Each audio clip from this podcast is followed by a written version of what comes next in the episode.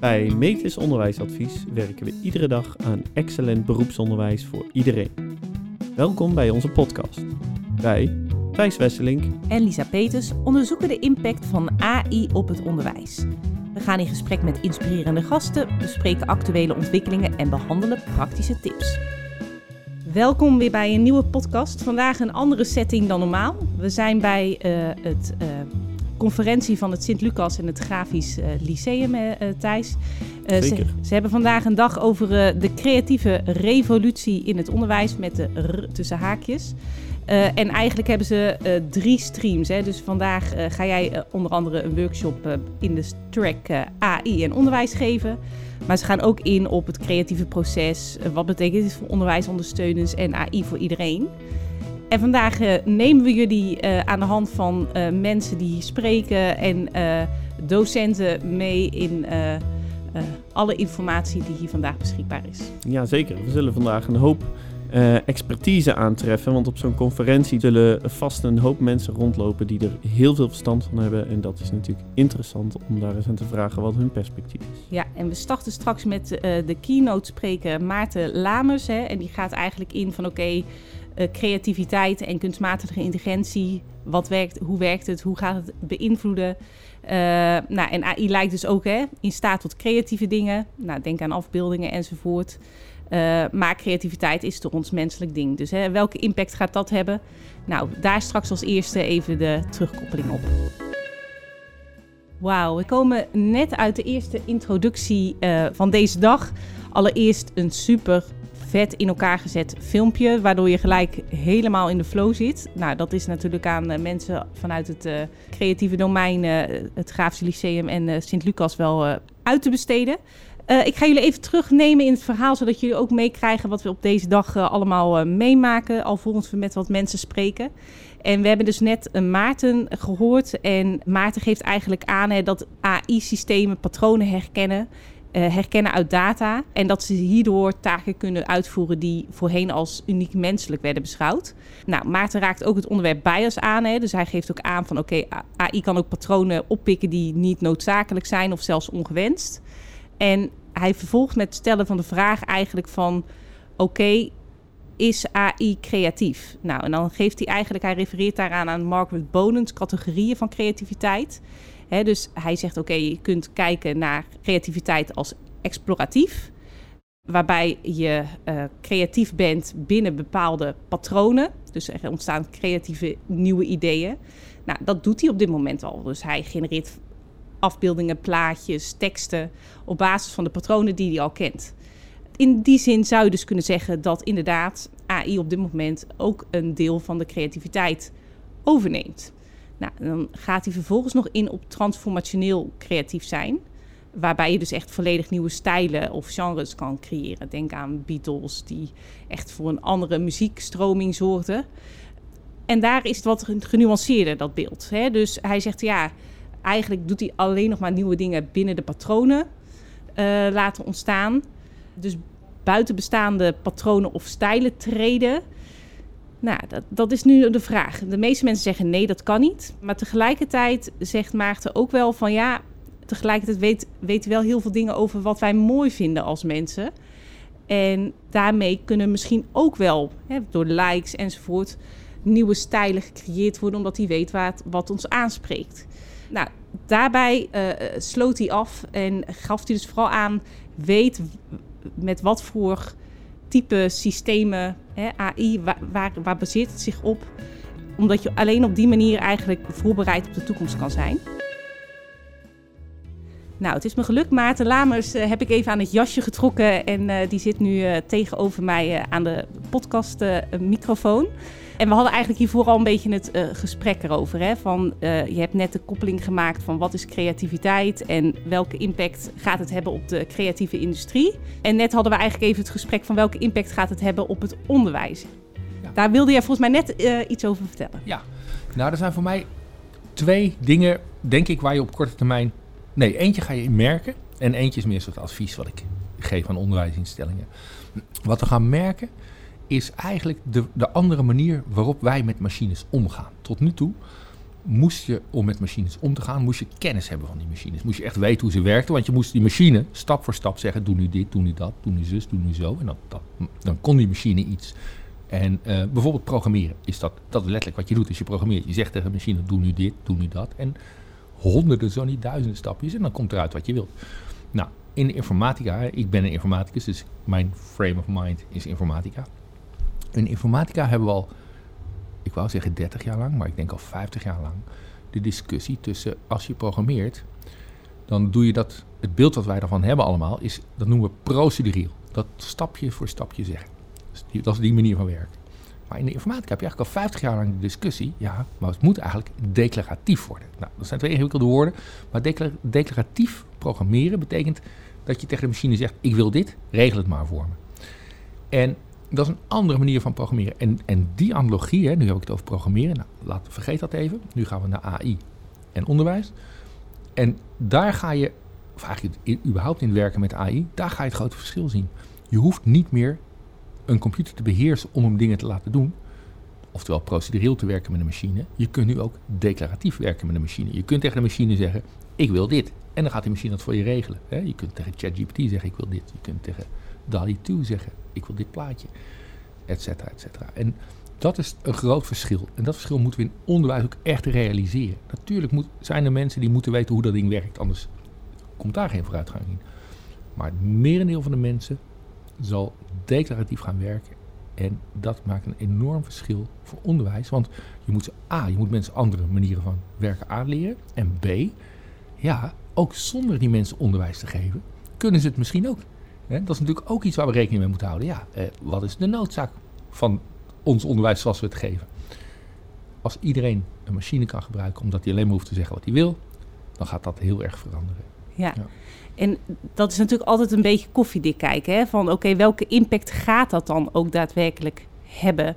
Wat moeten we hiermee? Hè? Wat moeten we op korte termijn nou in onderwijs als onderwijzers met deze materie? Nou, wat we mensen moeten leren is, en dat is heel belangrijk, is um, wat kunnen die dingen in de brede zin? Hè? Wat kan zo'n nieuwe techniek zoals AI in de brede zin? En dat wil aan de ene kant uh, betekenen dat we, dat studenten echt daarmee in aanraking moeten brengen. We moeten ze er echt mee laten spelen. We moeten bewust zeggen, ga hier nou eens mee aan de slag.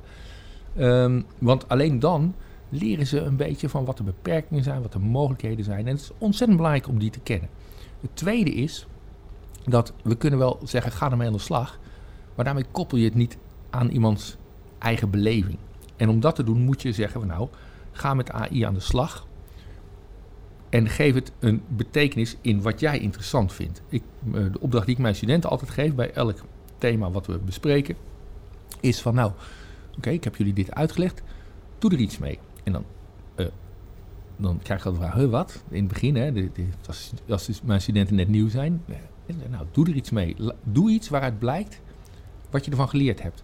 En met andere woorden, en dan ja, dat vinden ze ingewikkeld. Want dan zeggen ze, ja, maar zeg dan maar gewoon wat ik moet doen. Ze, nee, als jij interesse hebt in muziek, koppel dan die techniek aan muziek. En doe iets met die techniek en muziek. Heb je interesse in poëzie, doe iets met poëzie. Heb je interesse in hockey, doe iets met hockey. Weet je, en dan kun je koppelen het aan je eigen interesses. Want alleen dan heb je die drijfveer om ook echt uit te zoeken waar die grenzen liggen. En dat is in mijn optiek heel belangrijk voor onderwijs. Ja, mooi. Dankjewel. Ja. Aan de tafel zitten Enja, Janiek en uh, Lucas. Zitten jullie op het Grafisch Lyceum of bij Sint-Lucas? Grafisch Lyceum. Grafisch, Lyceum. Ja. Dus uh, drie studenten van het Grafisch Lyceum. Nou, we hebben net Maarten gesproken. We hebben al wat toegelicht over de dag van vandaag. Allemaal docenten die aan de slag gaan met AI. Kunnen jullie zelf eens toelichten? Wat is volgens jullie uh, nou ja, de impact die het op dit moment op jullie opleiding heeft? Uh, nou, in mijn ogen, AI kan je goed zien, maar ook als iets slechts. Sommige mensen gebruiken het heel erg veel om een opdracht te maken. Maar sommige mensen gebruiken het ook als een tool. En ik denk dat dat wel de juiste manier is. Ja, want waarom zou dat de juiste manier zijn? Omdat je er anders niks van leert, heb ik het idee. Ja, dus dat zie je wel gebeuren. Dat je denkt, oké, als je het verkeerd in gaat zetten als studenten, dan leer je er eigenlijk. Ja, ik denk dat je het echt meer moet gebruiken als een hulpmiddel en niet als een vervanger om zelf je opdrachten niet zelf te hoeven maken. Ja, oké. En wat is volgens jullie daar de rol in van docenten of uh, uh, de opleiding? Om jullie daarin wel, hoe, hoe zouden ze dat voor elkaar kunnen krijgen dat die ik denk dat ze daar meer les in moeten geven. Op het moment doen ze er niks mee. Ze zeggen, als je bijvoorbeeld een AI gebruikt, oké, maakt mij niet uit. Maar ik denk dat daar meer les in moet worden gegeven. Als in, je gebruikt het niet te veel en hoe kan je het beter gebruiken? Want dat mis ik wel. Ja, hoe zie jij dat, Jannie? Uh, nou, eigenlijk precies hetzelfde als Lucas het zegt. En ik vind ook eigenlijk sommige docenten op onze afdeling, die merk ik wel dat ze zeggen, gebruik het niet. Terwijl eigenlijk Lucas wat ook zegt, ja, het is wel informatief. En het is wel belangrijk dat we leren mee om te gaan. Want ja, we merken al dat het komt. En dat het eigenlijk, het gaat niet meer weg, zou ik zeggen. Dus we gebruiken het altijd. Ja, ja. En, en waar zouden lessen over gegeven moeten worden, denk je, Enja? Um, nou, ik denk dat het belangrijk is dat we het verschil leren tussen een uh, tool om het te gebruiken en niet om heel de opdracht te maken. Want ik zelf moet toegeven, heb het een keer voor een opdracht gebruikt omdat ik in tijd tekort kwam. En toen had ik daarna, dacht ik wel van, ik heb hier helemaal niks van geleerd. En ik merk wel dat het sneller is dan op het internet te browsen voor bepaald iets hoe het werkt. En gewoon in ChatGPT gewoon de vraag te stellen en dat het uitlegt, leerde ik soms meer van dan de docenten. Ja, en waarom leerde je er meer van? Um, het wordt breder uitgelegd. En als je het niet snapt, kan je het ook zeggen waar je het niet aan begrijpt. En dan probeer je dit op een andere manier uit te leggen. En ik denk dat het ook handig is, zodat wanneer de docenten met andere leerlingen bezig zijn en in plaats van dat je zo lang moet wachten, dat je het gewoon zelf uh, kan onderzoeken hoe je het moet doen en wat het probleem was. Ja, dus eigenlijk zeg je dat je zou het zelfs bijna als tutor of als uh, nou ja, extra docent in je klaslokaal in kunnen zetten. Ja. ja. ja. En hebben jullie daar al voorbeelden van, van docenten waarvan je zegt, nou, daar kan best een voorbeeld aangenomen worden hoe die hem inzet? Nee. Nee. Nee, totaal niemand van de docenten gebruikt het eigenlijk bijna niet. Omdat ze er niet echt vanaf weten of het gewoon niet echt begrijpen of kunnen, zeg maar. Oké. Okay, Volgens mij ook het gewoon niet willen. Ja. Want je merkt dat sommige docenten bij ons die vinden het leuk om het zelf te doen en niet met een AI of met een ja, chat GPT te gebruiken. Als ze het leuk vinden om te onderzoeken. Maar ja, als, zoals ik, als ik in keuze, in tijdstress zit met school, is het van... Ja, ik moet deze opdracht maken, dus laat ik maar even snel naar ChatGPT en het gebruiken. Nou, dankjewel. Volgens mij uh, een mooie oproep in ieder geval voor vandaag uh, aan alle docenten van ga er wat mee doen actief in het onderwijs. Mooi, dank jullie wel. welkom Kalfried. We hebben jou even net van de, van, de, van, de, van de bank op de gang vandaan gehaald waar je ja. je broodje aan het nuttigen was voor de pauze. De lunch op, ja. ja precies. Um, je, je, bent docent fotografie. En je gaf net al aan, wij doen heel veel uh, wel met AI. Nou, uh, nee, eigenlijk nog helemaal niet hier. Maar uh, ja, het is natuurlijk binnen de fotografie gebeurt er wel heel veel met AI. En dus het is bijster interessant, vind ik, om te zien wat, wat er allemaal gebeurt, wat er mogelijk is. ik gebruik zelf ook, ik ben nog behalve docent ook werkzaam als fotograaf. Dus ik gebruik het ook in mijn eigen fotografie. En hoe gebruik je het dan? Uh, nou, ik, ik, in mijn fotografie gebruik ik het door, door achtergronden te genereren. Uh, oh. Achtergronden van uh, plekken. En dan fotografeer ik meubels en die zet ik in die achtergrond. Hey, en nu is, nu is tot nu toe vandaag is de, de keynote spreker is, is geweest en je hebt misschien een workshop gevolgd. Wat, ja. wat neem je mee van vandaag? nou, wat ik, wat ik uh, tot nu toe vooral geleerd heb, is inderdaad vooral een beetje de, de techniek achter AI. Als in uh, um, ja, hoe, hoe, het systeem eigenlijk werkt. Want dat weet je niet, tenminste ik wist het niet. Uh, dus ik zat al maar heel braaf dingen in te toetsen en te typen. Maar um, ja, hoe, hoe het daarna, hoe het gegenereerd wordt uiteindelijk, dat, dat wist ik eigenlijk helemaal niet. Dus dat heb ik tot nu toe uh, heb ik dat al meegekregen. Ja, en heb je het al met collega-docenten over deze ontwikkeling gehad? En je gaf ja. aan, we doen er op dit moment nog weinig mee. Ja, ja nou toevallig een collega-docent van mij die gaf al aan zo van ja, weet je, dit is niet het vak. Dit is niet het vak wat ik wil geven. Als dit heel erg mee gaat doen. Uh, en dat snap ik heel goed als je van een traditionele fotografie-achtergrond afkomt dan is dit natuurlijk, ja, het is gewoon zo'n andere wereld. En uh, je gaat op een gegeven moment, ja, zit je alleen nog maar achter je computer om, uh, om dingen te doen. Uh, dus dat snap ik. Ik snap ja, heel dus goed het, dat, je daar, dat je daar geen feeling meer mee hebt. Nee, dus beroep verandert eigenlijk drastisch. Zeker, ja. Ja, ja, dat, ja sowieso. Dat is al, ik ben vrij lang al werkzaam als fotograaf. En ik, ik merk wel dat überhaupt door de hele. eh, eh, to- toen de digitale fotografie opkwam. Toen was het natuurlijk al. Dat was al een enorme verandering. Ten opzichte van eh, filmpjes en laten ontwikkelen en dat soort dingen. Dus dat is al een enorme stap. En nu dit is denk ik weer een soortzelfde stap, ja. Ja. En ik, ik kan me heel goed voorstellen dat, sommige, dat een hele hoop mensen daar geen zin in hebben. En hoe kijk je daar zelf naar? Is het, is het voor wel. jou een vind positieve het- stap? Ja, ik wel. Ja. Ik vind altijd dat het eh, moet in beweging blijven. Ja. Het heeft weinig zin om eh, 30 jaar lang eh, alleen maar filmpjes te, op film te fotograferen. En eh, ja, het is gewoon het is anders. Je moet er anders tegenaan kijken. En wat vraagt dit van jullie als opleiding? Want ik denk dat veel docenten dit herkennen. Hè? Van aan de ene kant heb je een aantal mensen die zeggen... nou oké, we gaan er vooral mee aan de slag. Ja. Een aantal die zeggen... ik krijg er gewoon buikpijn van, van deze hele ontwikkeling. Ik wil daar niks mee te maken hebben. Ja. Maar tegelijkertijd zitten al die mensen in één team. Hè? Ja. Dus wa- wat, heb je ideeën daarbij van... wat zou je daar als opleiding mee moeten? Ja, ik denk dat je, dat je net zoals binnen ons, eh, ons vakgebied, zeg maar, fotografie. Ik denk dat je heel. eh, ja, je zal docenten krijgen die zich meer eh, inderdaad op, het, op, op, het traditionele, op de traditionele manier van fotografie richten. En misschien juist de mensen die inderdaad zeggen van ja, maar weet je, dit heb je ook nog in je gereedschapkist. Eh, ga daar ook eens mee aan de slag en probeer dit eens en probeer dat eens. Ja, mooi. Dat zou Dat naast zal- elkaar mogen blijven Ja, bestaan. wat mij betreft wel. Ik denk dat, weet je, toen, als Photoshop toen dat begon, dan was het ook, eh, ja, dat vonden mensen ook allemaal, dat kon ook allemaal niet, weet je, dingen in elkaar plakken en zo. En, eh, maar ja, uiteindelijk is het gewoon een stukje uit je gereedschapkist. En eh, ja, die gereedschapkist die wordt steeds groter en nu zit AI daar ook bij. Ja, lekker gebruiken zou ik zeggen.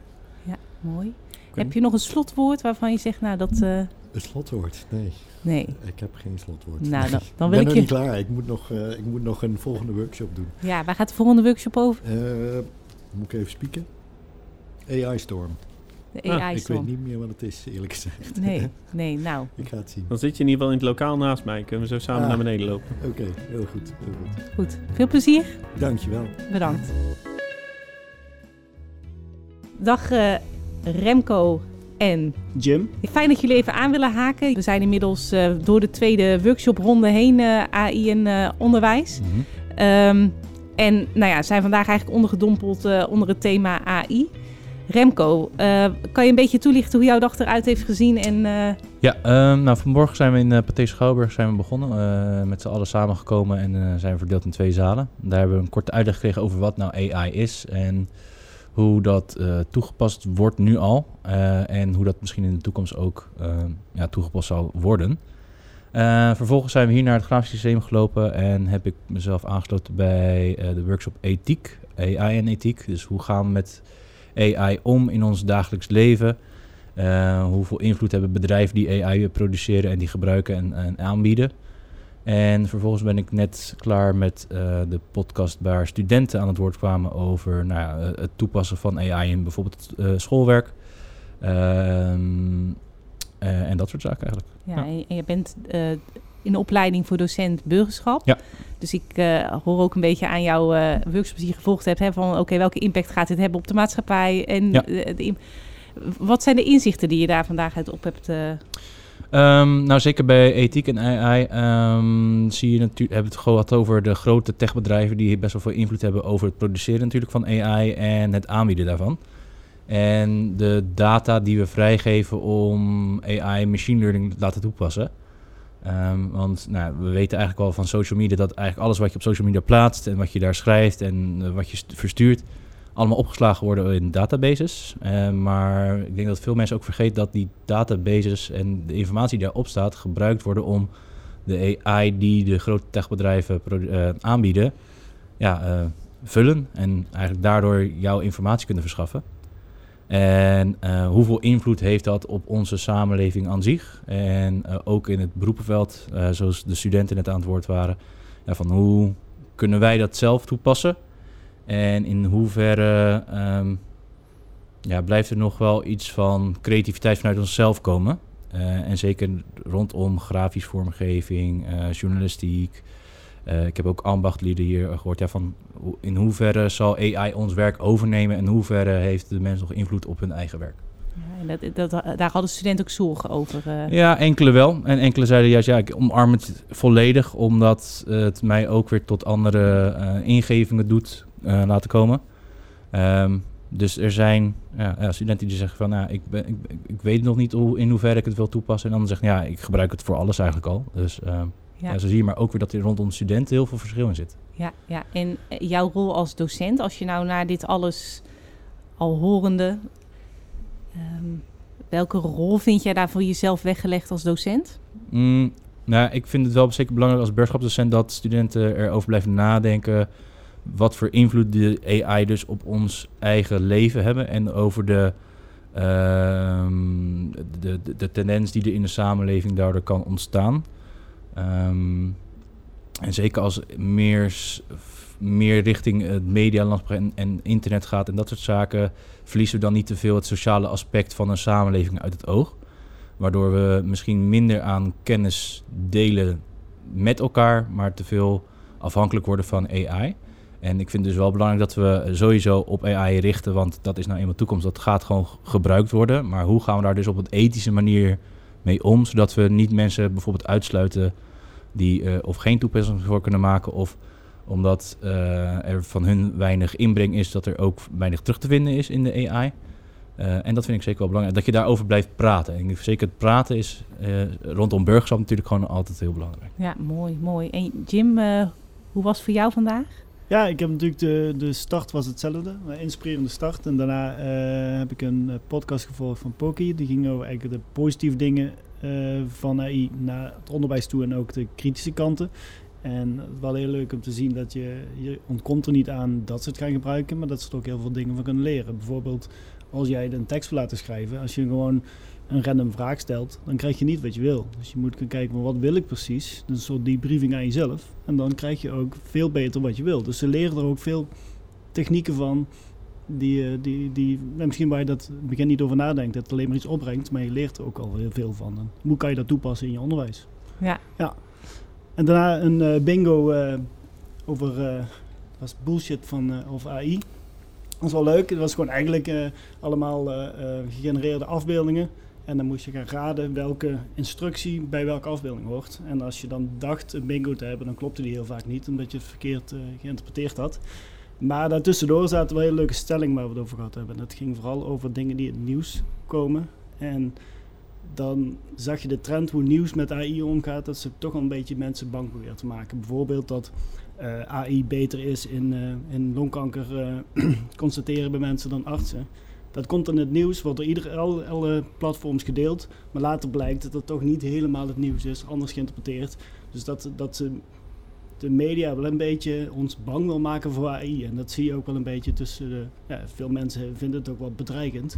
Maar dat is ook een beetje wat, eh, wat de media ons eh, wil laten geloven, zeg maar. Dus Ja. dat was wel leuk om die kant ook mee te krijgen. ja. Ja, afsluitend. Hè, straks gaan jullie naar de speeddate sessies. Morgen gaan jullie waarschijnlijk eh, of volgende week weer naar, naar jullie opleidingen toe. Welke ontwikkelingen zien jullie daarin voor jullie weggelegd als opleiding? Ehm, nou, wij gaan bij burgerschap gaan we het over een paar weken hebben over media. En media gebruikt daar ook over. En ook daarin laat ik terugkomen van ja, hoeveel invloed heeft überhaupt social media op, jou, nou, op jouw eh, beeldvorming. eh of je eigen beeldvorming, jouw, eh, z- je zelfbeeld. Ehm, en hoe ze dat, hoe dat, hoe die media tot jou komt. En dat wordt voornamelijk door algoritmes natuurlijk gevormd. Want er wordt natuurlijk een bubbel, eigenlijk een bubbel om jou heen gecreëerd om je zomaar zo, lang mogelijk aan die socials gekluisterd te houden. Eh, en daar ga ik wel meer over vertellen van ja, waarom? Dus welk motief hebben die bedrijven erachter?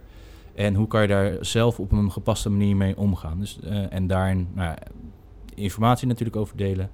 Eh, zelf hun gebruik laten analyseren. Van ja, hoe- hoeveel zit ik eigenlijk op die telefoon? Hoeveel zit ik op die socials?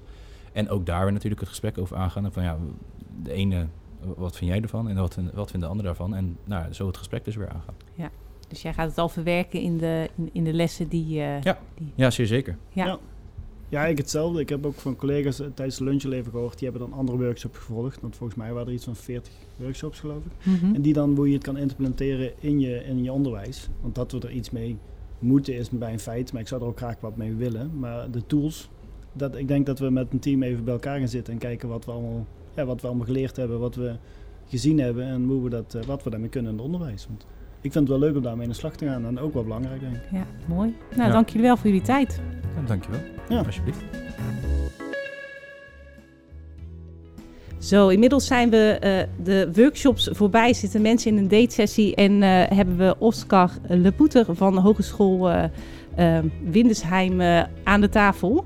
Eh, vanochtend eh, eh, zat jij samen met Wietse Hagen, bekend van de Poki eh, ehm, podcast. Eh, en nou, ik hoop dat hij ergens online komt, want ik vond het een super interessant gesprek over welke impact gaat dit hebben op ons beroep, op het onderwijs, hoe moeten we ermee omgaan. Ehm, eh, en vanmiddag ook aangesloten bij jouw workshop omtrent toetsing. Dus welkom. Uh, dankjewel. Ja. Uh, en uh, Thijs, uh, jij komt ook net uit de workshops die ja, jij verzorgd ja. hebt. Um, en laten we er even over doorpraten. Want wat ik wel um, mooi vond vanochtend, hè, en eigenlijk ook de invalshoek die jij aangaf, als ik dacht workshop AI en toetsing, nou dan gaan we het vooral hebben over het hele fraudeperspectief. Maar jij maakte hem al gelijk, stelde je de vraag van oké, okay, als we nou al onze kinderen al vanaf moment één in de um, ja, leerlingvolgsystemen, ja. uh, toetssystemen zetten. Nou ja, hoeveel informatie is er straks op je achttiende beschikbaar over jezelf? En nou ja, moeten we dat wel willen? Nee, precies. Uh, ik, ja, ik zie wel een parallel ook uh, met de social media. Je weet uh, dat de social media heel, heel verslavend zijn en ook heel goed. Want ik belicht graag twee kanten doordat de algoritmes heel goed werken. Maar die algoritmes die gaan maar door en die, ja, die maken een soort beeld van jou, eigenlijk een soort persona, die, wat jij niet uh, per se bent.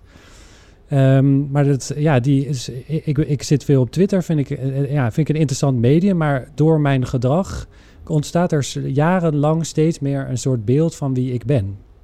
En, het, en mijn vraag was eigenlijk, ja, wanneer mag ik eigenlijk dat stoppen? Wanneer mag ik weer met een gewone lei beginnen? Wanneer... Uh, ja, wanneer heb ik het recht om vergeten uh, te worden? Dat was eigenlijk de vraag die ik stel. En als je volwassen bent en je hebt het zo over iets als een, uh, als, een, als een social media app, ja, dan kan je gewoon een nieuw account maken. Ik weet dat dat ook gebeurt. Hè. Er zijn dus vriendengroepen van tieners die hebben dan gedeelde Instagram-accounts om dat algoritme te foppen, bijvoorbeeld. Maar dat is nog relatief onschuldig bij social media. Maar als je nou kijkt naar zo'n zo'n leerlingvolgsysteem waar ik het over heb, Zeker als die heel goed gaan samenwerken, dat jouw hele CITO- uh, en methodescores van Parnassus, leerlingvolgsysteem van de basisschool, wordt zo overgegeven aan de middelbare school. En uh, nou, dan kom je misschien in een niet zo leuke fase uh, en je probeert, er, je probeert eruit te komen, maar het, ja, het, het, het gaat maar door met het verzamelen van die informatie. Nou, gelukkig is het nu nog niet zo dat dat dan ook meegegeven wordt aan je studie. Misschien bij het MBO is er wel wat meer een, een overdracht. Maar wanneer, wanneer, wanneer stopt dat? En is er een soort recht eigenlijk te bedenken dat jij met een schone lei mag beginnen? Dat je, dat je vergeten mag worden? En als ik nog één voorbeeld mag geven. Wat ik noemde is bijvoorbeeld, stel je voor, je hebt een fase van op je 16 dat je heel veel hebt gebloot en het ging gewoon niet goed. De studievaardigheden gingen niet goed. Het, ja, alle executieve functies stonden op rood, zeg maar. Maar je bent eruit gekomen.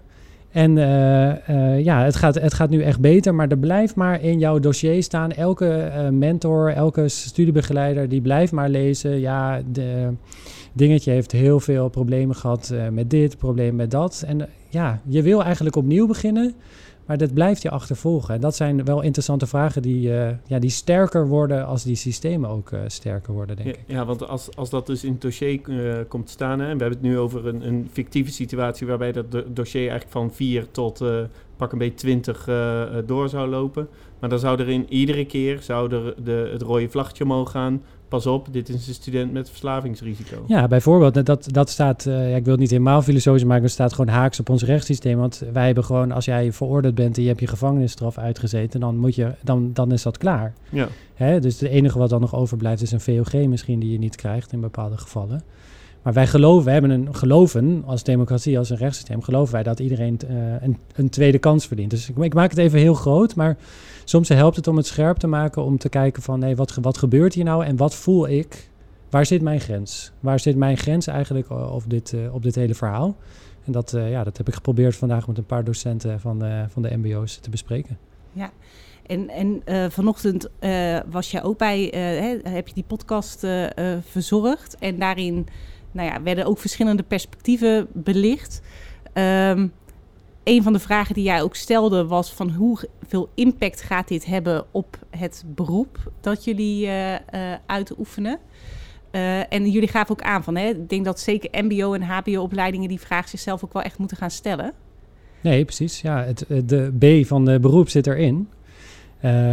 Kijk, ik, ik heb wel een iets bredere definitie van onderwijs. Je komt ook hier naar een opleiding of een school om, om een mens te worden. eh, ook om jezelf, jezelf te worden, jezelf te ontwikkelen. Ook om te leren omgaan met anderen. Dus dat, dat hoort er ook bij. Maar ja, je bent zeker ook jezelf aan het opleiden met kennis en vaardigheden. eh, kwalificeren voor een beroep. Eh, nou, dat is wel een spanningsveld. Hè? Dus eh, we hadden iemand daar en die zei van, eh, die was, ja, die was een beetje angstig. Die zei, ja, wat als jij nu 15 bent en je kiest voor een MBO-studie en halverwege nu bijvoorbeeld kom je erachter dat jouw beroep gewoon ingrijpend gaat veranderen. Wat dan? Dat is wel best een heftige keuzes voor iemand als je dan inmiddels eh 17, eh 17 jaar pas bent. En of het nou iets is waar je geld in verdient, of dat het je, je passie is eh, waar, je, waar je veel in wil leren. Dat, dat, dat doet wel veel, denk ik, eh, met zo'n met zo'n leerling. Ja, ja, en hoe ga je daar dan ook op een goede manier mee om? Ik, we hadden hier ook studenten aan tafel en die gaven ook eigenlijk aan van ja, er wordt op dit moment nog weinig tot niks bij die specifieke opleiding aandacht aan besteed. Ehm, nou ja, dat is dus eigenlijk loopt die ontwikkeling soort van parallel. Hè? Van studenten l- leren, maken de kennis mee, maar tegelijkertijd docenten eigenlijk op dat moment ook. Ja. Nee, nee, precies. Dat, dat, ik vind dat studentperspectief ook wel echt, echt interessant. Ik had, eh, dat heb ik eh, eerder gelezen online, maar dat was gelukkig iemand, was ook een student bij mij in de workshop.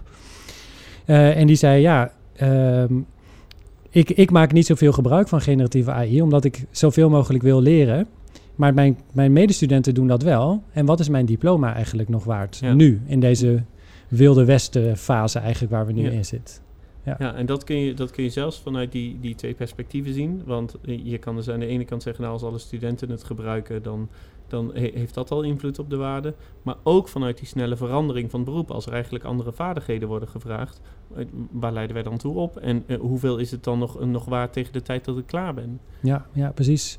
Ja, het is wel ingewikkeld. Ik, kom van de PABO. Bij ons in het eh, basisonderwijs is er een heel grote discussie tussen kennis en vaardigheden versus generieke metacognitieve vaardigheden, 21st century skills. Sommige mensen worden daar helemaal allergisch van, van die term. Maar het is best wel een groot debat.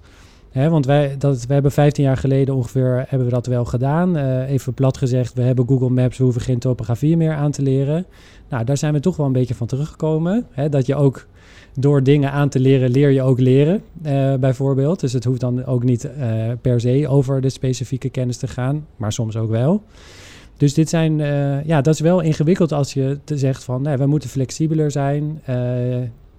het moet meer gaan over generieke vaardigheden. Je weet niet hoe de wereld eruit ziet over, over, over 20 jaar.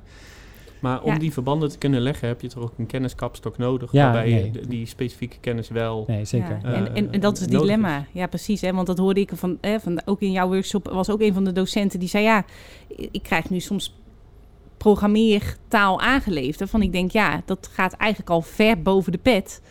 Ehm, nou ja, moeten ze dat dan uiteindelijk nog helemaal leren in de basis, maar tegelijkertijd moeten ze het ook kunnen beoordelen. Hè? Dus dat is een Ja. beetje van wel- welke generieke vaardigheden moet je wel gewoon even zonder die tools aangeleerd hebben. Ja. En ik denk dat iedere opleiding zichzelf die vraag ook moet gaan stellen. Nou, ik wil toch wel, nog wel even een lans breken echt voor kennis en vaardigheden.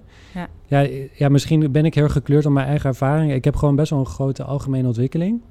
En daardoor heb ik wel het idee, dus dat gaat helemaal. Ik heb geen al, grote algemene ontwikkeling tot één jaar geleden over AI. Hè, want het is een nieuwe, nieuwe onderwerp Ja, eigenlijk. ja. Maar omdat ik een heel veel kapstok heb, in jouw woorden, heb ik toch wel het idee dat ik dingen veel eh, sneller begrijp eh, dan, dan mensen die dat niet hebben. Dus ik ben, eh, ja, ik vind het een interessant debat, dat, dat, die generieke vaardigheden. Maar ik, ik, ik denk toch wel dat, dat kennis, ook al is het niet de kennis waar het over gaat, dat dat helpt echt heel erg. Eh, om, om nieuwe dingen te begrijpen in ieder geval. Ja. Nou, en als je dit vertaalt naar, naar AI, dan heb je die kennis alleen al nodig om nog in die expertpositie te kunnen komen om te beoordelen of datgene wat eruit komt, of, of dat dat van waarde is of dat dat niet van waarde is. Ja. Ja, Mooi. ja, nee, ja. Oké, gezien eh, de hoeveelheid mensen die we aan de tafel hebben, eh, want ik zou zo nog een half uur door eh, kunnen praten, eh, stop ik hem hierbij. Iets wat je graag zou willen delen? Ja, ik vind echt dat mensen wel eh, moeten experimenteren. Het lijkt een beetje paradoxaal, want ik wil helemaal niemand in de, in de klauwen van deze Californische bedrijven duwen.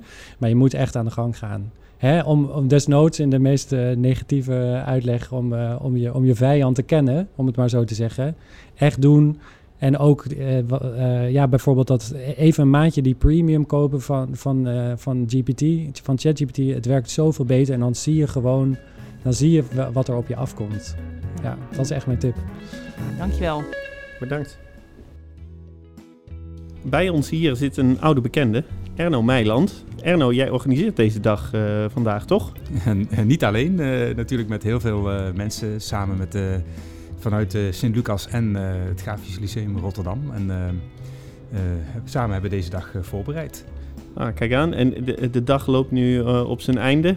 Zou je hem eens willen proberen te samenvatten en, en kijken wat, eh, wat mensen meenemen hieruit? Ja, samenvatten van een, eh, een dag met eh, twee keer 40 workshops en eh, een keynote en eh, een meet-up. Hè, wat we nu aan het einde hebben gedaan. eh, ontmoeting tussen mensen van het Grafisch Lyceum en van Sint-Lucas. Dat valt niet mee. Nee. Eh, maar ik denk eh, dat het ten eerste heel divers eh, was. we hebben eh, een aantal workshops gehad die wat meer over de technologie gingen. Andere wat meer over de, de ethische kant, eh, de onderwijskundige kant. Eh, ook de kant van de, de, de pedagogiek eigenlijk. Hè, van hoe moeten we onze, onze leerlingen ook eh, weerbaar maken misschien hè, tegen, tegen allerlei dingen die op deze jonge mensen afkomen. En die diversiteit, die, ja, die vind ik eigenlijk wel, wel heel erg een mooie opbrengst van de dag. Dat we vanuit heel die diversiteit eigenlijk gekeken hebben naar dit onderwerp. de impact eigenlijk van AI op het onderwijs in de context van twee eh, creatieve vakscholen. Ja, en nu eh, de eerste elf weken van dit schooljaar eh, zijn ongeveer van start gegaan en voorbij. Wat zou dit voor, wat, is, wat is jouw verwachting, jouw hoop, wat dit eh, voor beweging eh Teweeg brengt. teweeg Ja, brengt? nou ja, we hebben natuurlijk eh, docenten die al wat langer met dit onderwerp bezig zijn. Som, voor sommigen was het nieuw, dus ik denk dat dit een soort eh, punt is waarop we met de twee scholen eh, hebben gekeken van wat is er allemaal al. Heel veel docenten hebben ook workshops gegeven. Dus een beetje van elkaar weten waar staan we ergens. Eh, en tegelijkertijd denk ik dan een van de belangrijkste opbrengsten van de dag is ook eh, een soort gevoel van urgentie. Van hier, moeten we echt eh, veel aandacht aan gaan besteden. Want de impact van deze technologie op het onderwijs en de toekomst van onze studenten, die is, die is enorm. en dat, dat bewustzijn is echt wel ja, een van de belangrijke opbrengsten, denk ik, van deze dag. Ja, je gaf net al in het voorgesprekje aan van meestal zie je nog wel eens technologie dat mensen afhaken of eh, hakken in het zand. Maar je zei van het was echt een hele positieve sfeer. Iedereen had wel zoiets van, wa- wat maakt dat, denk je? Eh, nou, ik denk eh, de, dat de keynote daar ook wel aan bij heeft gedragen. van Maarten Lamers. Ja. Hij komt ook in, in jullie verhaal aan bod. iemand die echt heel rustig en heel duidelijk kan uitleggen wat die technologie precies is. Zodat je ook echt begrijpt waar het over gaat. Eh, tegelijkertijd eh, is het eh, vaak toch nog steeds een black box natuurlijk. Maar je gaat iets beter begrijpen hoe, hoe zo'n zo'n technologie werkt. Ehm, waardoor, ja, waardoor misschien ook een beetje de angst weggenomen wordt voor, voor die technologie. En je meer aangezet wordt of uitgenodigd wordt om echt na te denken over van wat, wat moet ik hiermee, wat kan ik hiermee. Ja, dus eerst het begrip laten landen en vervolgens lekker eh, aan de slag met de workshops die je dus uit die eh, eh, grote hoeveelheid hebt eh, kunnen kiezen. Ja, ja, en ik denk dat eh, voor onze docenten, die zien natuurlijk ook dat studenten hier eh, behoefte aan hebben. En eh, daarmee voelen ze meteen ook een urgentie natuurlijk om eh, hier aandacht aan te besteden en eh, hiermee aan de slag te gaan. Ja, mooi. En eh, veel, veel antwoorden dus in die workshops gevonden. Zijn er ook nog nieuwe vragen voor de toekomst?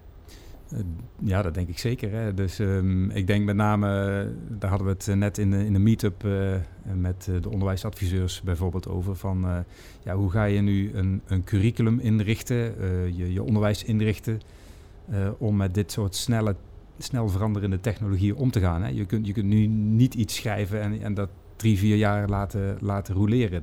Je zult continu moeten vernieuwen. En misschien ook wel eh, ja, wat meer holistisch ook kijken naar ontwikkeling van, eh, van studenten. Hoe maak je ze weerbaar? Hoe maak je ze mediawijs, mediageletterd? Eh hoe zorg je ervoor dat ze, als ze van de opleiding afkomen... en dan komen dit soort nieuwe dingen op, op ze af... dat ze ook weten ja, wat, ze daarmee, wat ze daarmee kunnen eigenlijk. Ja, hoe, ze daarmee hoe om kunnen gaan. Hoe houdt een diploma waarde? Ja, d- diplomawaarde, maar ook hoe blijven ze zichzelf als mens ontwikkelen. Leven lang ontwikkelen is natuurlijk ja, bijna al eh, eh, helemaal stuk gekoud begrip. Maar daar gaat het uiteindelijk wel om. Hè? Dat je ja. na je opleiding nog steeds eh, continu blijft, eh, blijft leren en ontwikkelen. En dat je daar in je opleiding al de tools voor krijgt. Absoluut. Nou, complimenten voor de dag in ieder geval. Van Fantastisch. het was echt... eh, ik heb het zelf eh, mogen aanschouwen via deze podcast eh, en eh, hier en daar aangesloten. Maar het was echt een hele mooie dag. En het licht gaat Het licht letterlijk gaat en figuurlijk uit. Hier in de studio. Dus hiermee sluiten we hem ook gelijk af. En eh dankjewel.